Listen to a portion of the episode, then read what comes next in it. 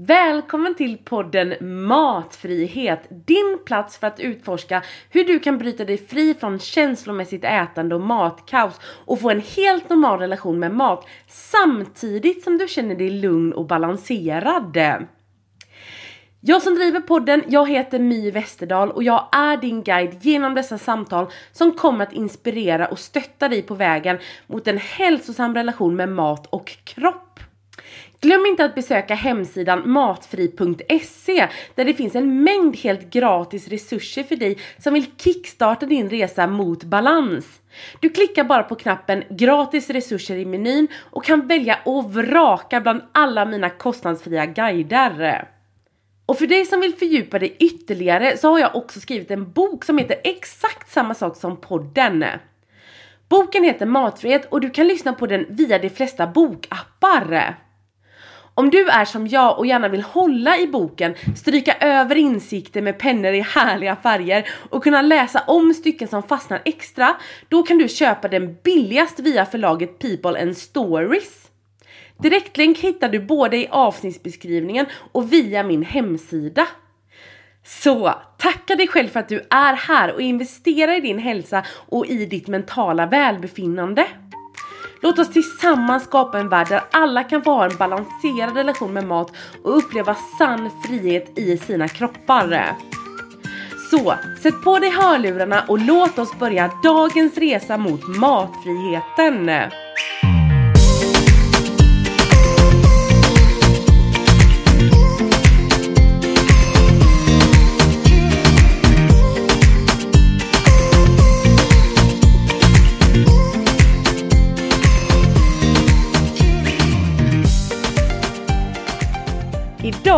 Så kommer du få möta Marie Karlsson, denna färgstarka och kloka människa som har skrivit boken Fettpaniken.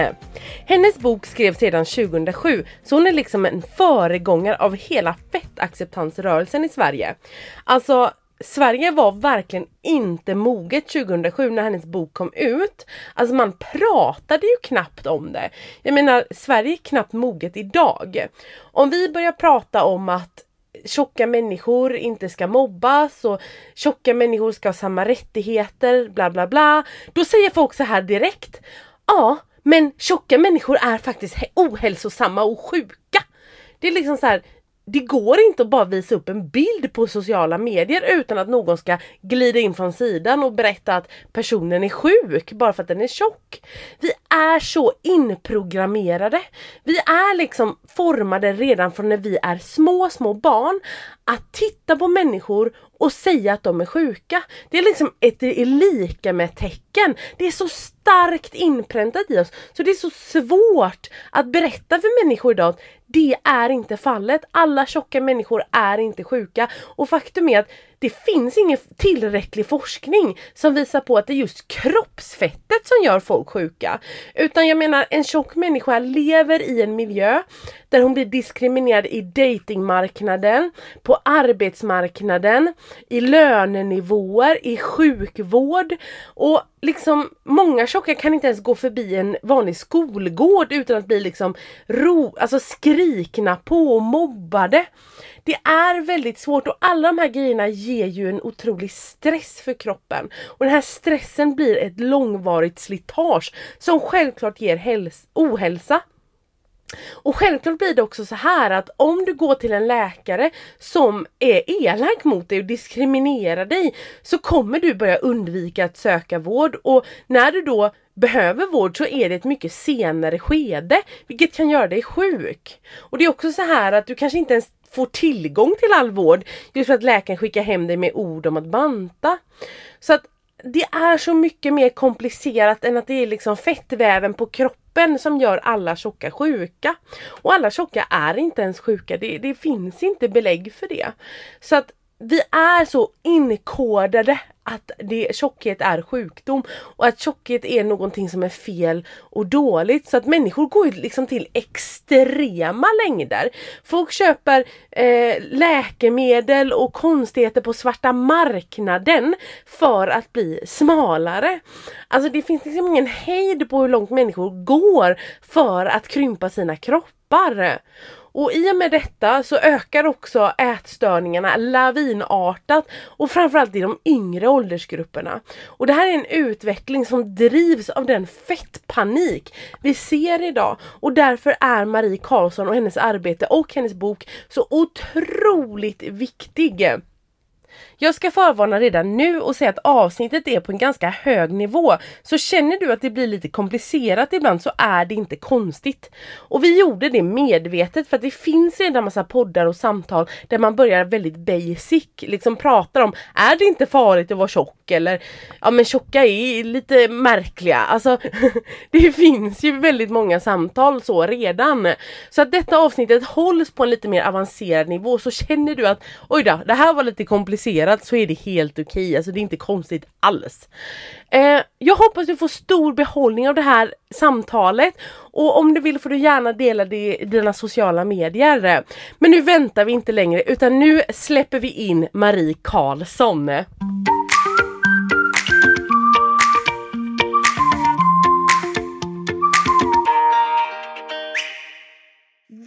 Välkommen hit Marie! Alltså jag har sett fram emot att ha dig här. Berätta för lyssnarna, vem är du?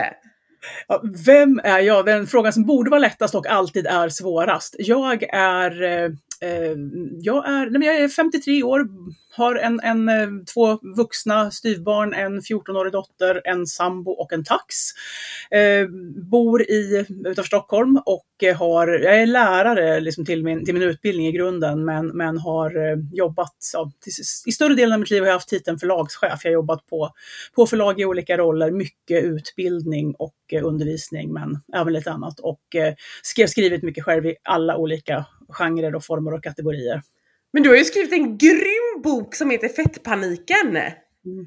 Och jag är så glad att du tycker det och jag är så glad att, att den här boken får, en, får läsare fortfarande så många år efter. 2007 kom den, den ja, för, för, första gången höll jag på att säga. Men sen har den, den har levt ett litet, ett litet sådär, höll jag på att säga, sipprande liv. Varje gång när jag får royaltybeskedet så här från Ordfront, och då, jag lägger alltid upp den på sociala medier och skriver som Polly Fawlty Towers som ju tecknar liksom. Och då, då så här, så här, do you make any money off it? Så här, enough to keep me in waitressing, säger Polly. Och jag tjänar precis enough to keep me solidly stuck at my day job. Men, men, men eh, den, den, som sagt var, den, jag ville säga någonting då och den har någon form av, av eh, genomslag fortfarande, vilket är oerhört alltså glädjande och rörande. Men det behövs ju jävligt mycket i samhället som det ser ut idag. För samhället lider ju en enorm jäkla fettpanik, eller hur? Det är ju typ det värsta man kan vara, det är ju mm. tjock. Mm, ja, absolut. Ehm, och den är ju verkligen, jag gjorde ju, jag hade ju tänkt en tanke sådär att jag kanske skulle revidera den, alltså man gör en, liksom en total redux.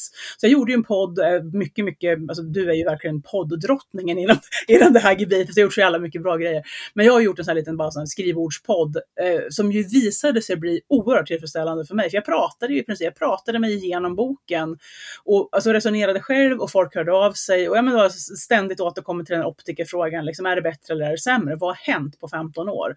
Och det är ju verkligen, på något sätt så tror jag att den här boken var Alltså, det, det, det låter ju så enormt som man pussar sig själv i spegeln, men jag tror att den var jättemycket före sin tid. Därför att liksom jag skrev, ja, men som det många gånger blir, i en, vad ska man säga, en, en ja, men framförallt amerikansk, liksom en engelskspråkig anglosaxisk kontext. Liksom man, man har källorna därifrån, man har, men man har också, ibland glömmer man, jag, jag, jag, jag, jag ser det även när jag skriver boken, men, men det är också en debatt som låg före. Alltså folk började bli tjockare tidigare i USA. Debatten fanns tidigare. Jag liksom gick i polemik mot en debatt som nästan inte var mogen. Alltså, den fanns här, men det är nu den exploderar. Så det är verkligen ett time warp i skallen. Mm, hur, hur för, för det, det, på ett väldigt mycket saker är bättre. Alltså framförallt när det gäller representation. Att det finns människor som ser ut som människor som barn och liksom uppväxande människor ser, det, det, är ju, det är ju 10 miljoner gånger bättre. Men väldigt mycket annat är ju åt helvete, alltså totalt. Och det var, det, det var mycket sån här ren ja, liksom hets och tokeri och trolleri. Det, det fanns ju inte, liksom, det föds ju i och med sociala medier och det är sämre. Mm. Men alltså det, 10 000 kronors frågan, är det farligt att vara tjock Marie? Jag påstår att det inte är det. Och det där är, det är alltså lite, det är också en sån här liksom loop i boken. Jag tycker det är jätte, jättetrevligt, när, när liksom, jättetrevligt, vad fånigt det lät. Nej, men jag blev så jävla glad när, när du hörde av dig och ville prata, när man, ja, men lite grann vinkeln, fettpaniken och samhället, för det var hel, min hela vinkel in. Alltså, jag, jag trodde ju, jag har sagt det tio, tio gånger också, liksom, men, men jag trodde ju att jag skulle skriva om eh, minnet, om falska minnen. Alltså att, att eh, just det där, hur kan man tro? När, när vi alla liksom intuitivt vet, alltså, vi vet att man inte kan plötsligt komma ihåg minnen, saker som man liksom, från när man låg i magen. Alltså, eh, vi vet att, att, att, att, minnet fungerar på, på, på, på vissa sätt och inte på andra. Liksom. Hur kan man då plötsligt köpa ett narrativ? Alltså vad är det i oss och i samhället som gör att man köper ett narrativ fast det narrativet är felaktigt? När det plötsligt uppstår alltså föreställningen hos ett antal namnstarka akademiker och debattörer att eh, Ja men absolut, de här, de här barnen de kommer verkligen ihåg de här oerhört underliga eh, övergreppen som är totalt, alltså uppenbart manipulerade. Och att ja, man ska, alltså barn skadas i scenariot men, men de skadas inte av sina övergrepp och sina minnen utan de skadas av ett narrativ som plötsligt påstår någonting som inte är sant. Alltså någonstans där rörde jag mig. Och, och sen, sen Sen insåg jag ju att samma sak kan man ju liksom i mitt huvud, det är likadant med fettpaniken det är verkligen inte bevisat att det är som fettpaniken påstår. Och ändå så går vi på något vis på det. Det, det är en helt annan liksom skala än, än falska minnen och det är inte så mycket av en hype.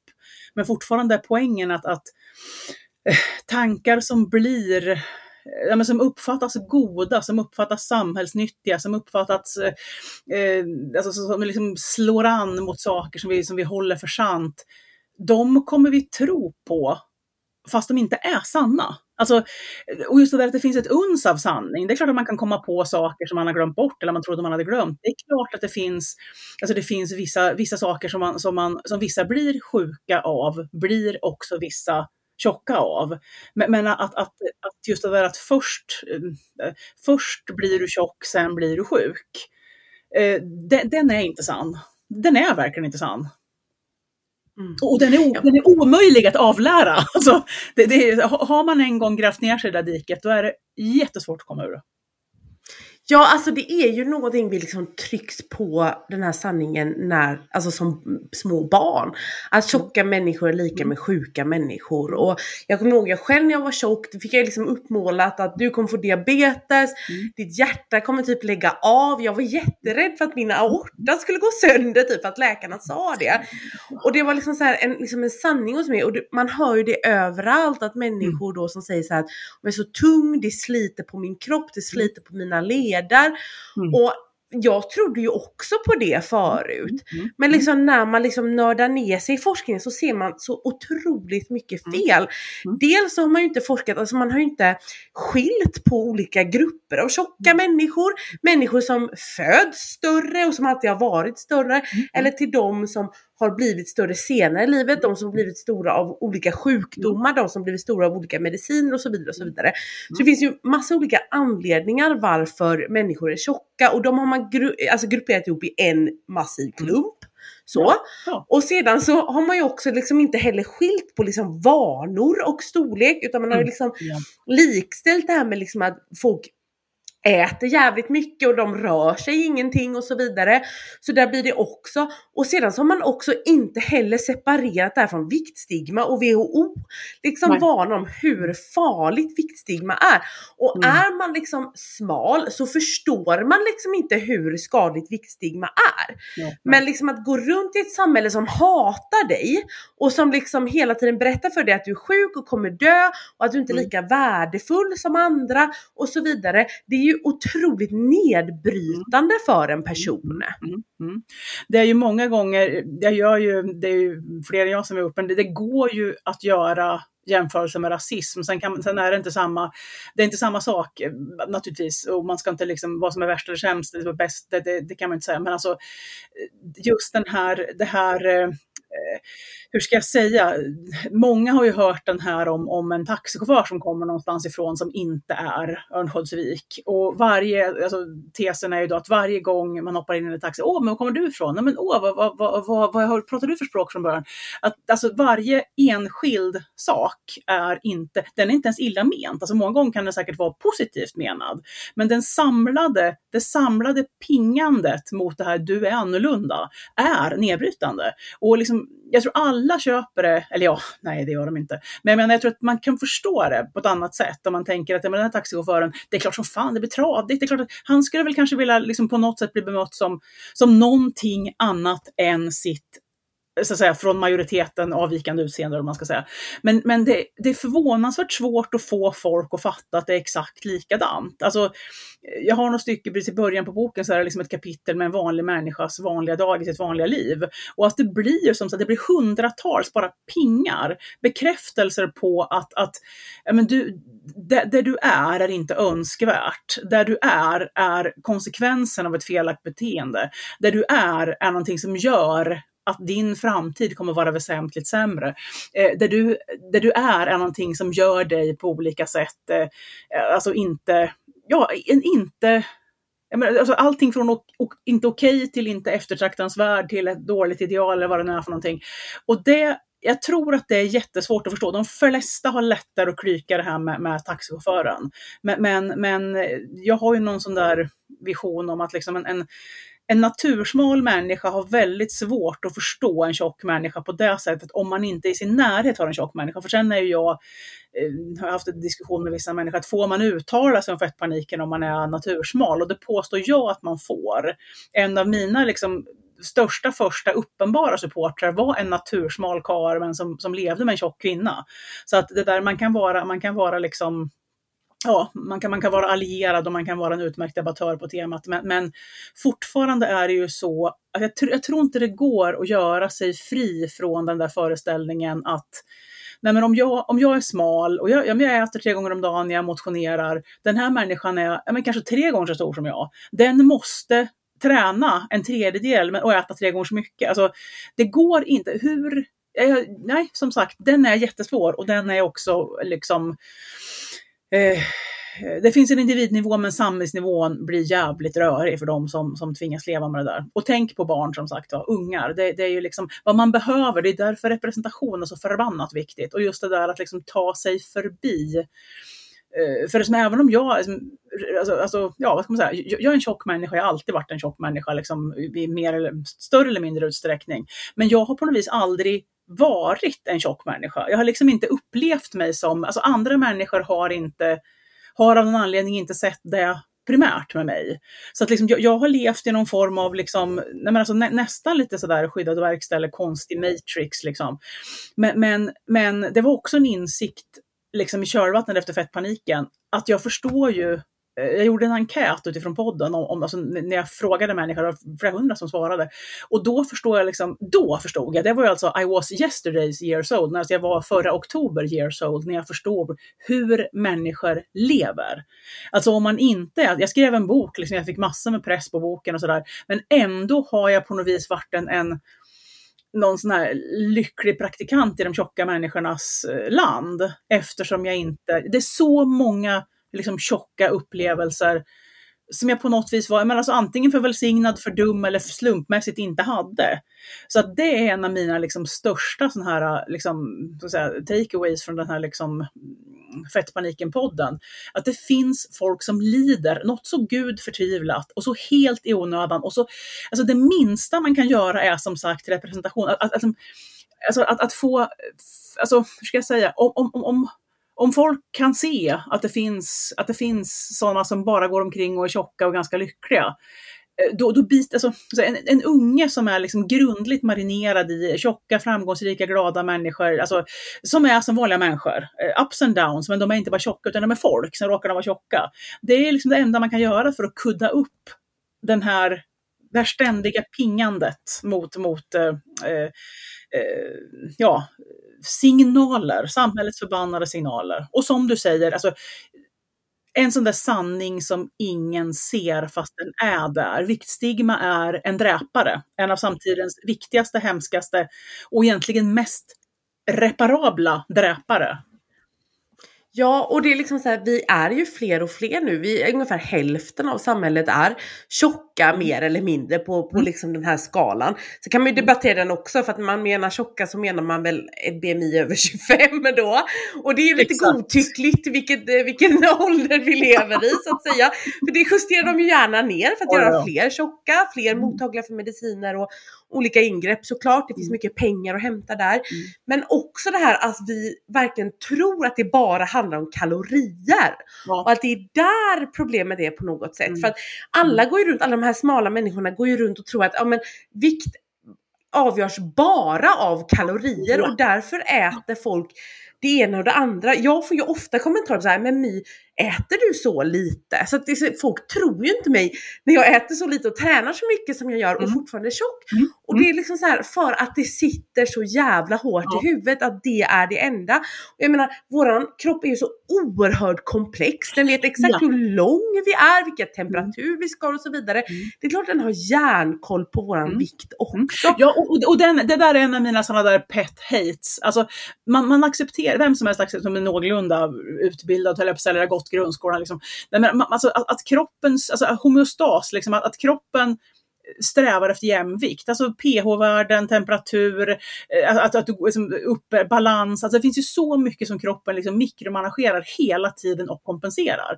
Och det är ju för övrigt det, det är där man gör över, med absolut mest energi på om man är intresserad av det. Liksom. Alltså det här med kroppens strävan efter jämvikt och självreglerande system. Alltså menar, ett, man, ett antal termostater. Att folk sen tror att det finns ett system, ett av de mest centrala, förutom andning och blodomlopp kanske.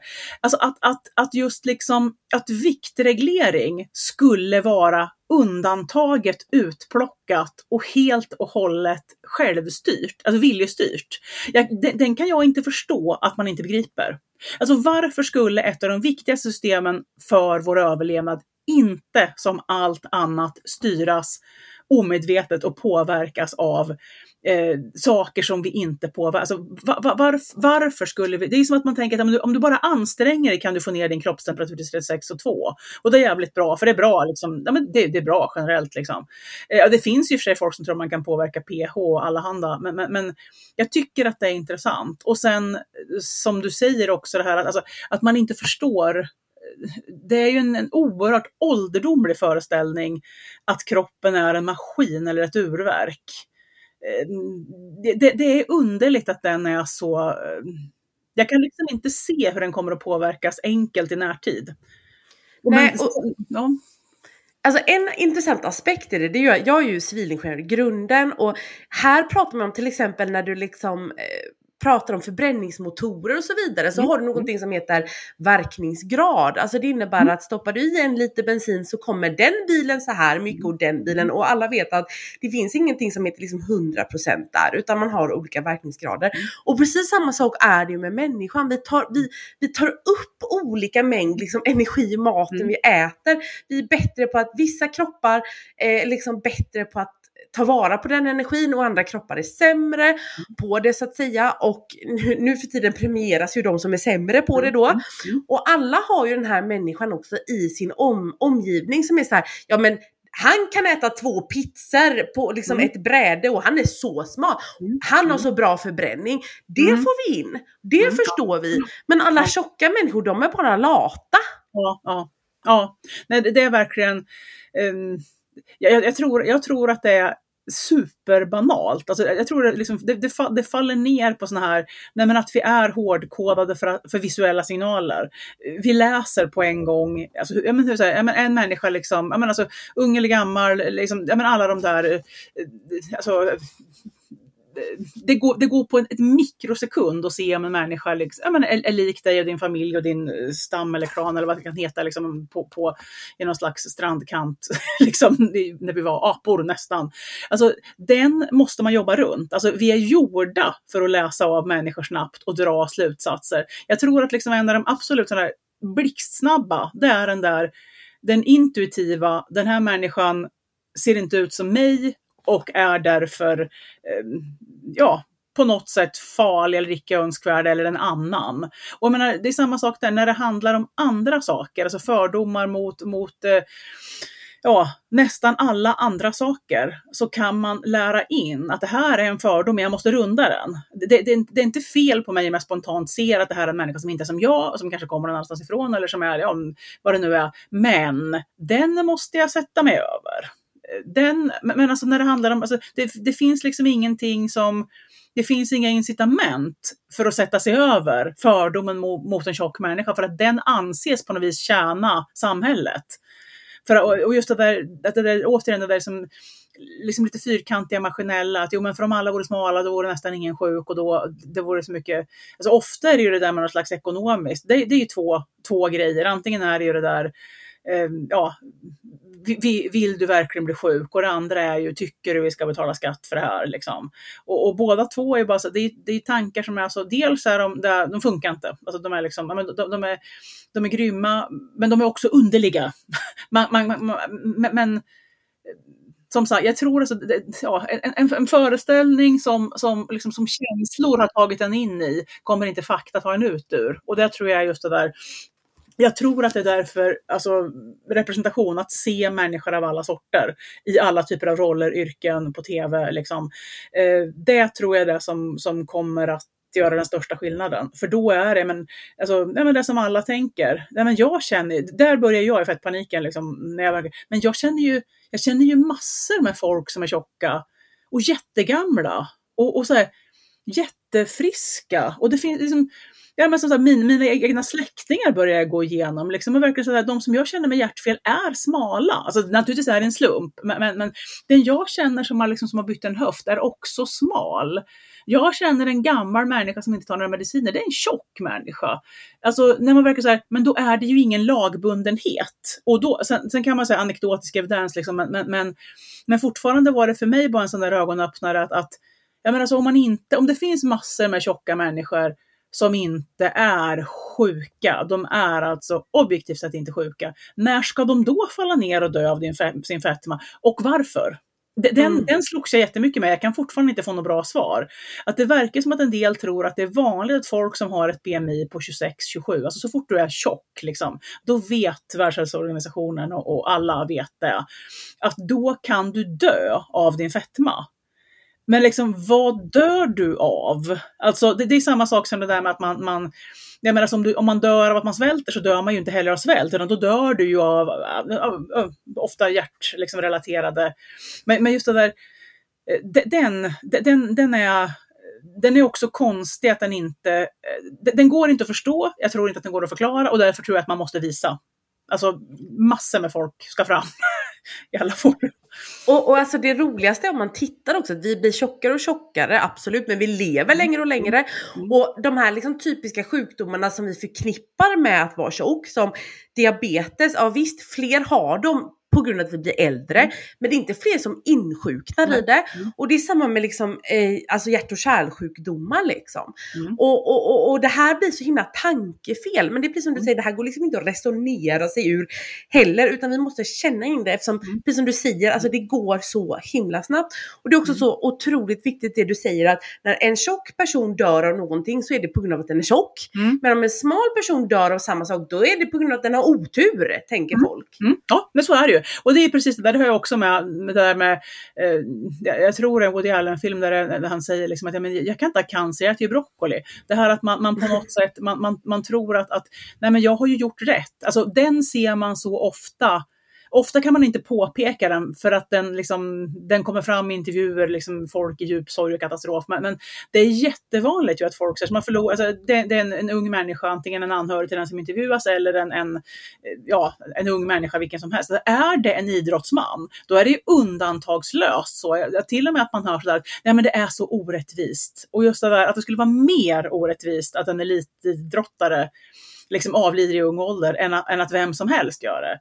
Och, och den, är, den är Alltså det finns ju folk, nej jag har också något sånt där citat från, jag minns inte vem det är, men det är någon kändis av något slag, som, det är någon som dör, typ någon, någon, någon politiker eller någonting. Och då säger en person, jag förstår inte hur det kunde hända, han åkte ju Vasaloppet och så. Och så visar, alltså, var och en vet ju, att, nu höll jag på att säga ett effektivt sätt att döda, inte så jag menar, men liksom, det är ju inte ovanligt att folk får liksom, eh, eh, hjärtincidenter, alltså som, som verkligen tränar riktigt hårt. Det är ju, det är fortfarande, liksom, det är fortfarande bättre sannolikt att träna än att inte träna. Men visst fan är det så att, att eh, någon som åker Vasaloppet och får hjärtsmäll eller springer Lidingöloppet, vilket inte alls är ovanligt. Det är på något vis, det är jätte, jättekonstigt att de gör det, fast det egentligen är jätterimligt att de gör det så att säga.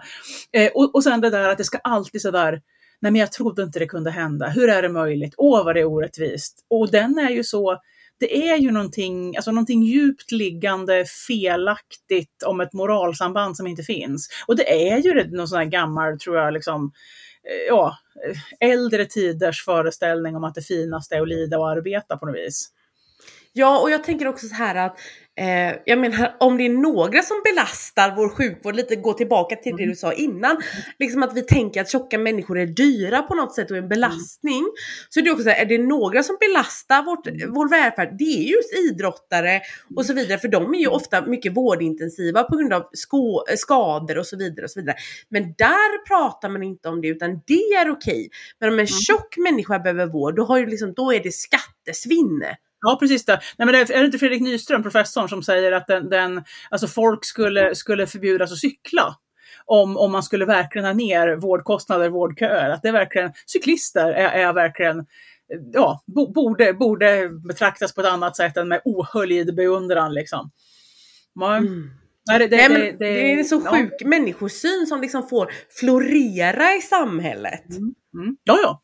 ja och, och anses vara på något vis de, de här riktiga liksom, snedpeken, det, det, som, när man väl börjar se det, det är apropå Matrix, det är ju verkligen, det är ju lite sådär blue pill, red pill, när du väl ser igenom det, då ser man ju det här att det finns ett lager av försanthållanden. Det är det som är problemet, det är det som egentligen är fettpaniken. Att inte bara att de säger det här, utan du säger det här därför att det faller tillbaka på en självklarhet att en tjock människa är alla tjocka människor är på grund av sin fetma, som rundar alla andra parametrar, överdödlig och sjuklig. Eh, och, och, just det att varje tjock individ du ser kommer att dö av... Alltså det, det är så... så eh, Nej men det, alltså, ja, här, här ligger världen som den är. Här ligger den typen av föreställningar och här förs diskussionen. Alltså på något sätt, liksom, det, det här kan nog inte höras i podden så du får gärna förklara lite bättre. Nej, om man tänker att sanningen ligger längst ner som en bas, sen ligger det ett lager av saker som, som försanthållanden. Alltså det, det, det, räcker inte att säga saker som folk tror är sanna, utan verkligen nästan, nästan liksom dogmer. Eh, en tjock människa blir sjuk. Eh, en tjock människa dör för att den är tjock. Och sen förs diskussionen liksom ovanpå dogmerna det, om man säger så här, men, men, så är det ju inte. Då faller den här människan som säger, men om man säger så här, det är inte säkert att, det är inte säkert att, jag, att, jag blir, att jag blir, det är inte säkert att jag dör av att jag är tjock bara för att jag är tjock. Då, den människan som man diskuterar med, det studsar liksom inte i sanningen, utan det studsar i föreställningen att jo, jo, men så är det. All, alla tjocka människor är sjuka. Liksom. Eh, och, och, den är, den är alltså jag, jag tänkte jättemycket på, jag tror att den största, alltså man skulle liksom söka hos Allmänna arvsfonden, får vi göra My. Jag tror att man skulle göra en, en typ en reality, som, för jag hade en hashtag på mitt fettpaniken-konto som heter vad tjocka människor gör. Eh, nu är jag liksom plågsamt passiv på det här kontot, även om jag älskar alla människor som jag haft kontakt med där. Men alltså bara, det finns en sån här freerunner-kille som verkligen bara så här far ut och gör liksom parkour och liksom flickflax, alltså helt sjuk grabb liksom. Och han är ju definitivt tjock, han är ju bra tjock liksom. Men man ser honom göra det här. Det finns några dansare, det finns någon balettdansös, det finns, finns jättemycket folk som är liksom friluftsmänniskor, alltså trekking, hiking, alltså men så, ja, men, så fjällrävar fast väger liksom 140 pannor. Och, och det där vad tjocka människor gör, den typen av människa tror jag att man skulle följa i en reality. Bara för, alltså för att visa, liksom inte liksom så här Biggest Loser-visa, utan att bara visa att de är de är vanliga människor som lever vanliga liv. Och, alltså, och det, det, handlar inte ens om att liksom, där man behöver visa folk inte det där haha, jag har perfekta världen, för den är också supervanlig. Den, den måste ju folk, alltså på något sätt, för, det förutsätts ju på något vis att alla liksom, eh, influenser till kroppspositivismens... Ja, alltså man, man, man, man förväntar sig lägga upp sitt blodsocker, blodsocker och blodtryck liksom varje måndag för att bevisa att man... Men även när man är sjuk som satan så, så, så, så ändrar ju det inte... Det ändrar ju inte att det man säger är sant, om du förstår vad jag säger. Men, men, men just det där, alltså, just det där var, ja men realityn, vad, vad tjocka människor gör, den skulle jag gladligt eh, ja, nej, när jag, när jag, blir, när jag blir kung över universum och skamlöst rik kommer jag göra den.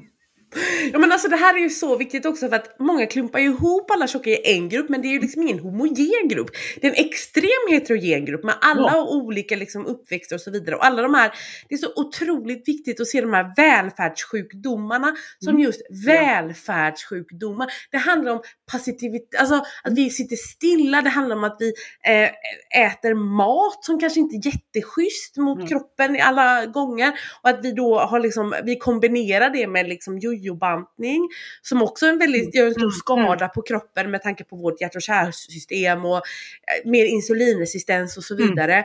Och att vi lever i en väldigt stressig miljö. Alltså jag menar, okej, okay, jag tänker liksom på min man som liksom, han jobbar på sjuk, sjukhuset, han är sjuksköterska.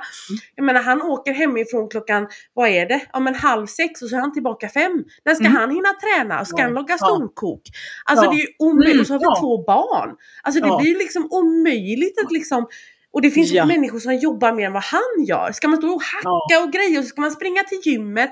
Alltså hela mm. samhället är ju toxiskt för vår hälsa. Ja. Men ändå läggs det på individen. Ja, men verkligen. Alltså verkligen. Alltså, och någonting som jag blir, alltså, man får ju sådana där, man blir så gammal som jag håller på man säger, ja men jag, jag, jag, jag ger mig fan på att jag kommer att ha rätt om det här. Liksom. Och en sak som, som jag tycker ändå liksom att, att där, som bara visar sig mer och mer och mer och mer, det är ju just det här med, med liksom, känsla av sammanhang, sociala kontakter, att, att uppleva sig själv, alltså att, att leva ett tillfredsställande liv som man trivs med. Eh, den är ju, den, den, alltså, just det där att men det, det, är farligare att vara ensam än att röka. Liksom. Det, det, alltså, den, den är ju så uppenbar, alltså, den kommer att komma. Alltså, nu, nu sitter vi i någon slags, eh, jag vet inte, jag vet inte, eh, det är så oerhört primitivt att föreställa sig att det kan vara så att, att liksom, eh, hälsa och lycka och liv hänger på att hinna träna. Och det är precis så det är. Det, det, det du säger, det, alltså, och det är precis som du säger, alltså, det är ju ett så oerhört privilegierat synsätt. Alltså, eh, och det är precis som du säger, din man jobbar inte mest av alla. Liksom. De, de, jag tror att numerärt har ju de flesta säkert ungefär som han.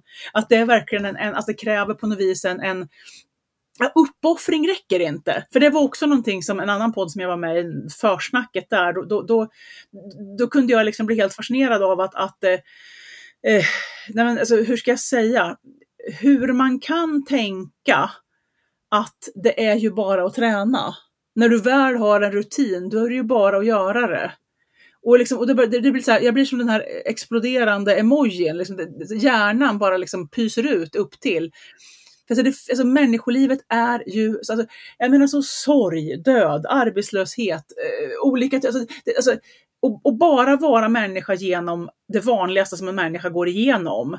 Det är klart som fan att du inte alltid hinner träna. Alltså, och just det där, och, och, och framförallt inte stå och koka fårikål fyra timmar om dagen. Liksom. Alltså, det, det, och sen då liksom lägga den här stressen, det, det borde du egentligen göra. Och, och så, så, det, det är då man får ett samhälle där folk springer till yogan liksom, lättare för att hinna med mindfulness. Liksom. Det, det är så oerhört tröttsamt. Och det här kommer ju från människor som jobbar med träning. De har ju inget annat på schemat utan de jobbar med träning och viktnedgång det, det, alltså, det är verkligen det, det, där i den här tyngre, en tyngre podd som jag var med jag, jag vet inte om jag sa det där eller om jag sa det när vi pratade innan. Det här att det, går, det är bara att jämföra med körsång är ju också en, en det, det, det, visar sig ju liksom att folk som sjunger i kör är ju friskare, lyckligare, lever länge, mår bättre. Alltså det är bevisligen så att om du har två människor som är ungefär lika, så den som sjunger i kör mår bättre. Och jag försökte förklara då liksom att det är ju samma sak som att man säger till ja, men kanske den jättetränande människan som är svinduktig på det. Men, men tondöv hatar den typen av folksamlingar, inte särskilt musikaliskt, skiter fett i körsång. Men det är ju bara att du biter ihop och går, snart blir det en vana. Snart kommer du längta till sången. Liksom. Och det, det, det är ju liksom den, och, och då blir det ju också sådär igen att folk inte riktigt förstår vad man menar. Alltså därför tycker, tycker du att det är kul, jobbar du med det, är det liksom, du, du, du är bra på det. Alltså det är inte jättekonstigt att du alltid kommer kunna bryta ut den här liksom, tre halvtimmar i veckan för att göra whatever. Liksom. Ehm, men, men, men eh, ja, nej, som sagt, exemplet körsång tycker jag är så utmärkt. Och sen det där att, att eh, på något vis, eh, det är alltid allt annat lika. All, precis, även om man håller på att kokas i olja liksom, i realtid så är det bättre om man är lite glad. Liksom. alltså, det, det, går, det går inte att runda eh, hur man mår, hur man trivs. Och det, det, är inte mental inställning utan det är liksom hur, hur meningsfullt är ditt liv? Mm. Hur, ja, och det är ju det liksom så här man glömmer idag för det enda vi pratar om idag det är blodtryck, blodsocker, mm. blodfetter. Ingenting liksom med det här psykiska hälsan, det är nästan lite skamligt. Mm. Ja. Och jag tänker precis om man går tillbaka till det du sa i början att du har levt i en liten bubbla där liksom så att mm. du har inte blivit utsatt för alla de här pingarna. Mm. Lite så känner jag också med mitt liv nu. Alltså jag blir ju inte påmind någonstans att jag är tjock. Men jag har en man och barn och liksom vi lever ett helt vanligt svenssonliv.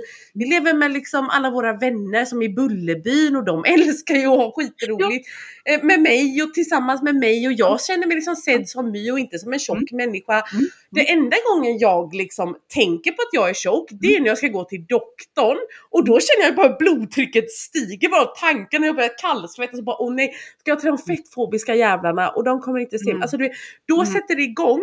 Men mm. liksom eh, allt annat. Och då tänker jag så här, tänk om jag skulle leva ett sånt liv där liksom mamma och pappa var på mig och banta, mina barn såg mig som en besvikelse, ja. min partner slutade attrahera av mig, folk sa till mig på saker på gatan och ropade dem efter mig. Mm. Alltså allt det här, det hade ju varit som att gå till doktorn för fan varje oh, dag. Varje dag, precis det. Nej men, nej, men absolut. Och, och det, det verkar där, nej men som sagt jag fattade ju i de här fritextkommentarerna i den här enkäten, det finns folk som har det så. Och alltså mitt hjärta går sönder. Jag kan inte begripa Eh, hur, och det kan ju vara människor som i alla avseenden har ett helt fantastiskt liv. Men, men, men de har inte det. Därför att världen har, har, har liksom, är det fel på. Alltså, det, det, det, det, är så jävla ledsamt. När man bara har en vända på den här jorden liksom. Ja, och att liksom många läkare tycker så här, ja, men det är helt rimligt att vi ska magsexoperera den här personen eller ge den här Ozempic eller vad fan den här medicinen mm. heter. Inte på grund av att den har liksom inga dåliga värden och normalt blodtryck, normalt blodsocker, allting är bara bra. Men mm. den mår ju dåligt i sin kropp. Mm, och att mm. självklart då blir det ju en hälsoförbättring om man då helt plötsligt blir smal och accepterad. Men jag undrar mm. liksom hur många av de här farliga ingreppen och så vidare mm. där det sluppit om tjocka människor faktiskt blev accepterade och älskade i mm. samhället. Mm, mm.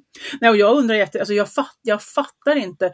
Det måste vara någon komplikation, någon sån där admin eller lagstiftning. Jag förstår inte varför man inte gör en, en kroppspositiv kry. Alltså såhär, mm. anybody, jag har så mycket planer, alltså någon där ute som, har ett, liksom, som vill ha så här, draknästet. Liksom.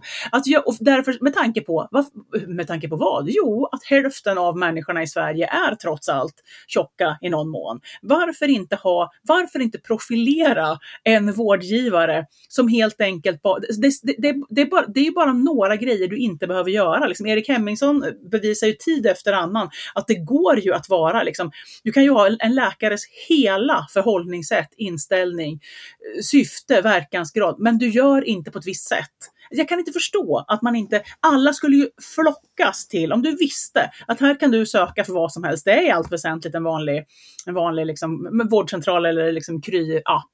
Men det som inte kommer hända, Ingen kommer vilja väga dig utan att förklara varför och, och, förmodligen inte göra det överhuvudtaget. Ingen kommer utgå från att ditt nageltrång beror på att du, att du väger så mycket som du gör.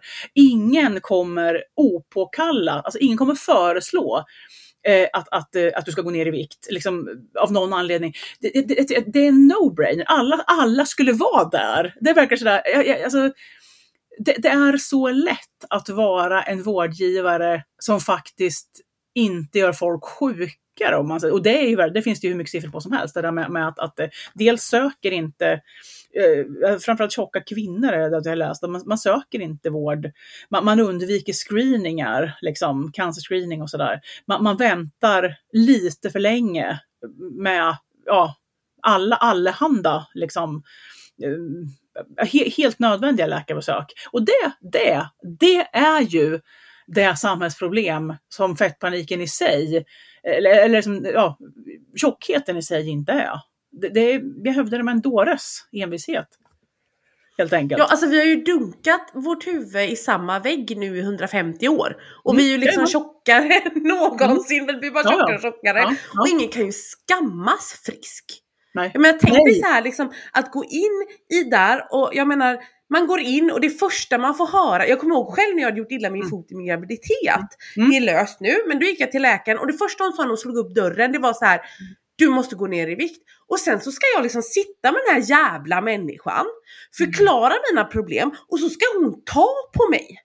Hon som precis har kränkt mig. Liksom.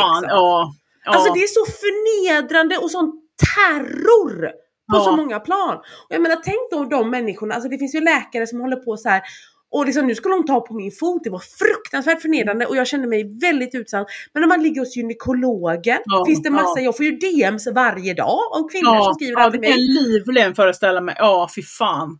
Och liksom bara liksom så här undersöka allt möjligt. Och det här är ju en, alltså när man är och söker vård, det gör man ju inte för att det är så jävla roligt. Utan Nej. det gör man ju för att man är rädd och orolig Jag skulle ju säga det, men är ju någon mån utsatt redan från början. Alltså man, man kommer ju rätt. Men alltså min, min favorit, den skriver jag med boken också, det var ju, för jag har ju haft har väldigt tur med, med vården överlag. Jag vet inte, underligt. Men i alla fall när jag, när jag var gravid så, så ja, men då poppar ju jag som ja, men dels gammal då, och dels tjock, liksom rent BMI. Liksom. För jag sa, sa ju att jag, jag, är inte något intresserad av det här liksom, av, av, på grund av taskiga erfarenheter. Men, men, alltså, ja, men just det där med att, att eh, ja, men, under en period i mitt liv var vågen så helvetiskt viktig. Så liksom, jag ville inte att den skulle skugga över någonting som annars skulle kunna bli en fin upplevelse, nämligen att vara gravid. Men då var ju två, alltså, hon sa ju det, och en jättebra barnmorska, men hon sa att Nej, men jag vet inte hur jag ska göra för att, för att du inte ska behöva gå till doktorn. Jag ser, du är ju frisk, liksom. jag var ju, hade ju toppvärden och gick inte ens upp i vikt. Liksom. Det fanns ingenting som, som liksom singlade ut mig förutom det värdet. Men då sa hon att jag, vet inte vad jag ska göra för att liksom, ja, men du kan väl gå dit bara och liksom, ja, men så får hon konstatera det och så har vi gjort som vi ska. Liksom. Och när jag då kommer in till den här kvinnan, och hon har ju bara sett siffran på mig och inget annat och vet att det är därför jag ska dit. Då hennes öppningsfras till mig är, men du är ju en elegant kvinna. Och där var jag klar. För att som sagt, jag var, jag var gammal och arg redan då. Nej men verkligen, nej men jag, jag, jag, jag vet inte riktigt, eh, not in so many words, men verkligen, nej men alltså det, det är inte, det är inte därför, jag är ju inte, liksom, jag är ju inte en utställningskatt. Jag ska inte inspekteras för att se om hon tycker att jag har snygga kläder eller inte. Liksom. Men jag fick ju en ursäkt, inte av henne, för då, där var jag för förbannad. Men, men barnmorskan sa att det här har vi liksom, det hade har vi tagit upp och du kommer aldrig behöva träffa henne igen. Men alltså ba, bara en sån sak, alltså apropå det där med, med det är nog det mest hur ska, jag- jo, och sen en annan grej som jag också har från, från en som har hört av sig när, när det är samma sak där, ett, ett barn, ett överviktigt barn, alltså enligt kur, över, över kurvorna barn, som tjat, tjat, tjat varje år och skolsköterskan och till slut så säger mamman att nej men jag går väl till det här BUM, jag gör det, så, är- så är det här gjort. Liksom. Och konstaterar även där att det är en helt frisk unge, inga som helst problem, ingen upplever något problem, ingen vill banta. Liksom. Och, och den här människan säger liksom att, att ja, men blir, blir hon mobbad? Nej, inte på något sätt. Liksom. Mycket socialt eh, liksom, framgångsrik liten människa. Så bara, Nej, men du, då vill nog skolsköterskan inte att det ska bli så heller. Och det är också sådär, ja, case closed. Alltså, det här var alltså dels den där läkaren då som, som menar liksom att nej, men, men var- varför är du här? Du som ser hyfsat snofsig ut. Alltså, det, bara så här, det, det finns ingen logik i det här yttrandet, men sen också det där, om det är en frisk tjock unge, då är hon nog här för att hon inte ska bli mobbad. Och då undrar man ju, liksom, tar de dit ungarna med glasögon så de får kontaktlinser? Tar de dit de rödhåriga och färgar om dem? Får de, tar de dit de som har... Liksom, en unge kan ju bli retad för precis vad som helst, för små, små, människor, små människor är taskiga om man inte uppfostrar dem ordentligt. Men, men liksom, den är, det är det jag menar också med det där, liksom grunden av fakta, sen det här försanthållandet och sen eh, diskussionen där utifrån. Alltså anledningen till att hon kan säga barnet är nog här för att sjuksköterskan remitterade henne till en, en, en behandling som, som, som säkrar upp mot mobbning. Liksom. Att hon säger det till en okänd människa i sin profession, eh, det betyder ju att hon, liksom, hon tycker inte ens att det är taskigt, för hon tycker inte att det är konstigt. Eh, och och, och den, den är ju så, den är ju så, den bland de mest upprörande liksom, eh, scenerna jag har hört talas om.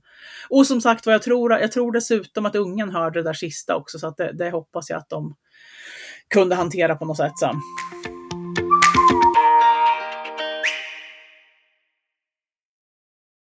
Vår tid börjar ta slut, så jag tänkte en sista fråga till dig Marie. Vad ser vi framåt nu? Vad, hur behöver vi jobba framåt för att liksom ändra riktning på den här skutan? Mm.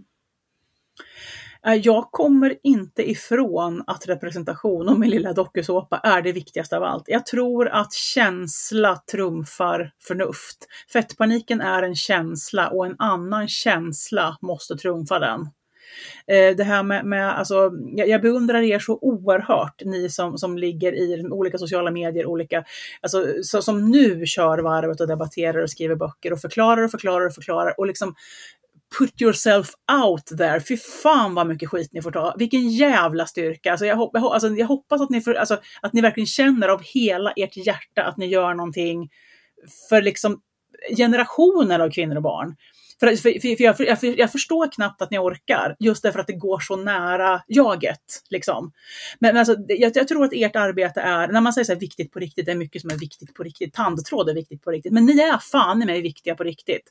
Alltså att man, att man orkar visa, vara, eh, skoja. Alltså, vara det andra. Kontrasten till den här liksom ansiktslösa tjocka i såna här bildbyråbilder som visar att oj vad vi äter glass och nu vart vi visst tjockare igen. Liksom. Nej men det, det, det, det, det, är du som är framtiden ny. Nej men det är verkligen alltså, nej, men, eh, det, det goda exemplet, representationen, eh, ja, känslan. Jag tror att det, alltså, och, det betyder inte att den känslan, för er känsla är ju grundad i förnuft och fakta. Men inte genom att skicka långa litteratur. Både du och jag skulle kunna skicka våran liksom, notförteckning. Din notförteckning är ju vacker i din bok. men, men det, kommer inte få en människa att ändra uppfattning. Men, men det, det tror jag du får faktiskt dagligen. Och i, i, första, i första läget knuffar du de människorna som, som behöver komma lite närmare ett gott liv, älska sig själva, bottna i sig själva. Eh, och, och på sikt så knuffar du också resten av världen. Ja, men alltså jag tänker också att vi, det är det som jag tycker är härligt för det är som du säger, fettpaniken är verkligen långt före sin tid. Till och med matfrihet är långt före ja, sin tid. Vi är typ inte redo för det här riktigt i nej, Sverige. Nej, det, det, tänker jag ofta att det, att det kan märkas, förlåt nu avbryter jag, men det märks på diskussioner som du ibland har, för jag följer dig ganska tajt liksom. Att man ser att liksom, du, du förklarar och svarar men, men, men det går lite över skallen på en del. Och, och det är inte fel på dem. Det är bara det att, att du, du har liksom, du och många med dig har fångat någonting eh, i ett skede eh, där det är ganska långt ifrån att allmänheten klykar. Liksom. Men det betyder ja, inte att det, det känner göras. man. Ja. Det känner man och jag tänker så här att det som jag tycker är så fantastiskt som jag sett de senare åren det är att det finns, alltså det börjar hända någonting på olika plan. Vi har liksom eh, fru Sky Size och Linda-Marie som är mer såhär lägger ut vackra bilder på sig själva som mm. verkligen läker oss andra. Jag menar mm. när jag har lite dålig självkänsla kan jag gå in och bara titta på Linda-Marie och bara åh hon är så vacker och höjas ja. av det liksom. Mm. Och sedan så har vi liksom Karin Kajan, Lady Damers, mm. alla de här liksom som mm. bedriver mer mm. liksom aktivism aktivism på det mm. sättet. Mm. Mm. Och sedan så, eh, jag önskar ju bidra mer med liksom så här, ja men du vet, min tekniska bakgrund, min liksom vetenskapliga mm. bakgrund mm. och liksom också med mat, vet att maten, för att ofta så, för mig i alla fall så börjar ju liksom eh, kroppsacceptans i hur jag när min kropp, ja. alltså i kroppskärleken där. Mm. Så det blir någon slags liksom revolution där i liksom. Mm.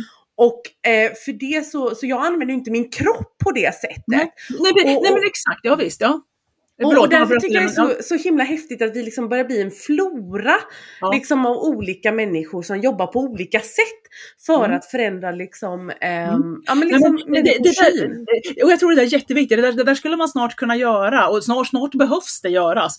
Alltså någon slags karta, nästan ett vändiagram. Eh, och, och den, det, att den kartan blir så rik och stor som möjligt, den tror jag är jätteviktig. Och också, den, den är lite av en sån där eh, käpphäst för mig. Man måste, vi måste också få vara olika. i, i den här, alltså, det, det är liksom en kör med många röster. Eh, jag kände ju liksom på slutet med Fettpaniken på att många försökte liksom fösa ner mig och förutsätta en massa liksom politiska åsikter, ställningstaganden, hur jag förmodligen var. Alltså, det, det var något så jätteunderligt samtal som jag hade med någon som verkligen trodde att jag var någonting som jag verkligen, alltså, det spelar ingen roll, det är inte sämre det, men jag bara inte är sån.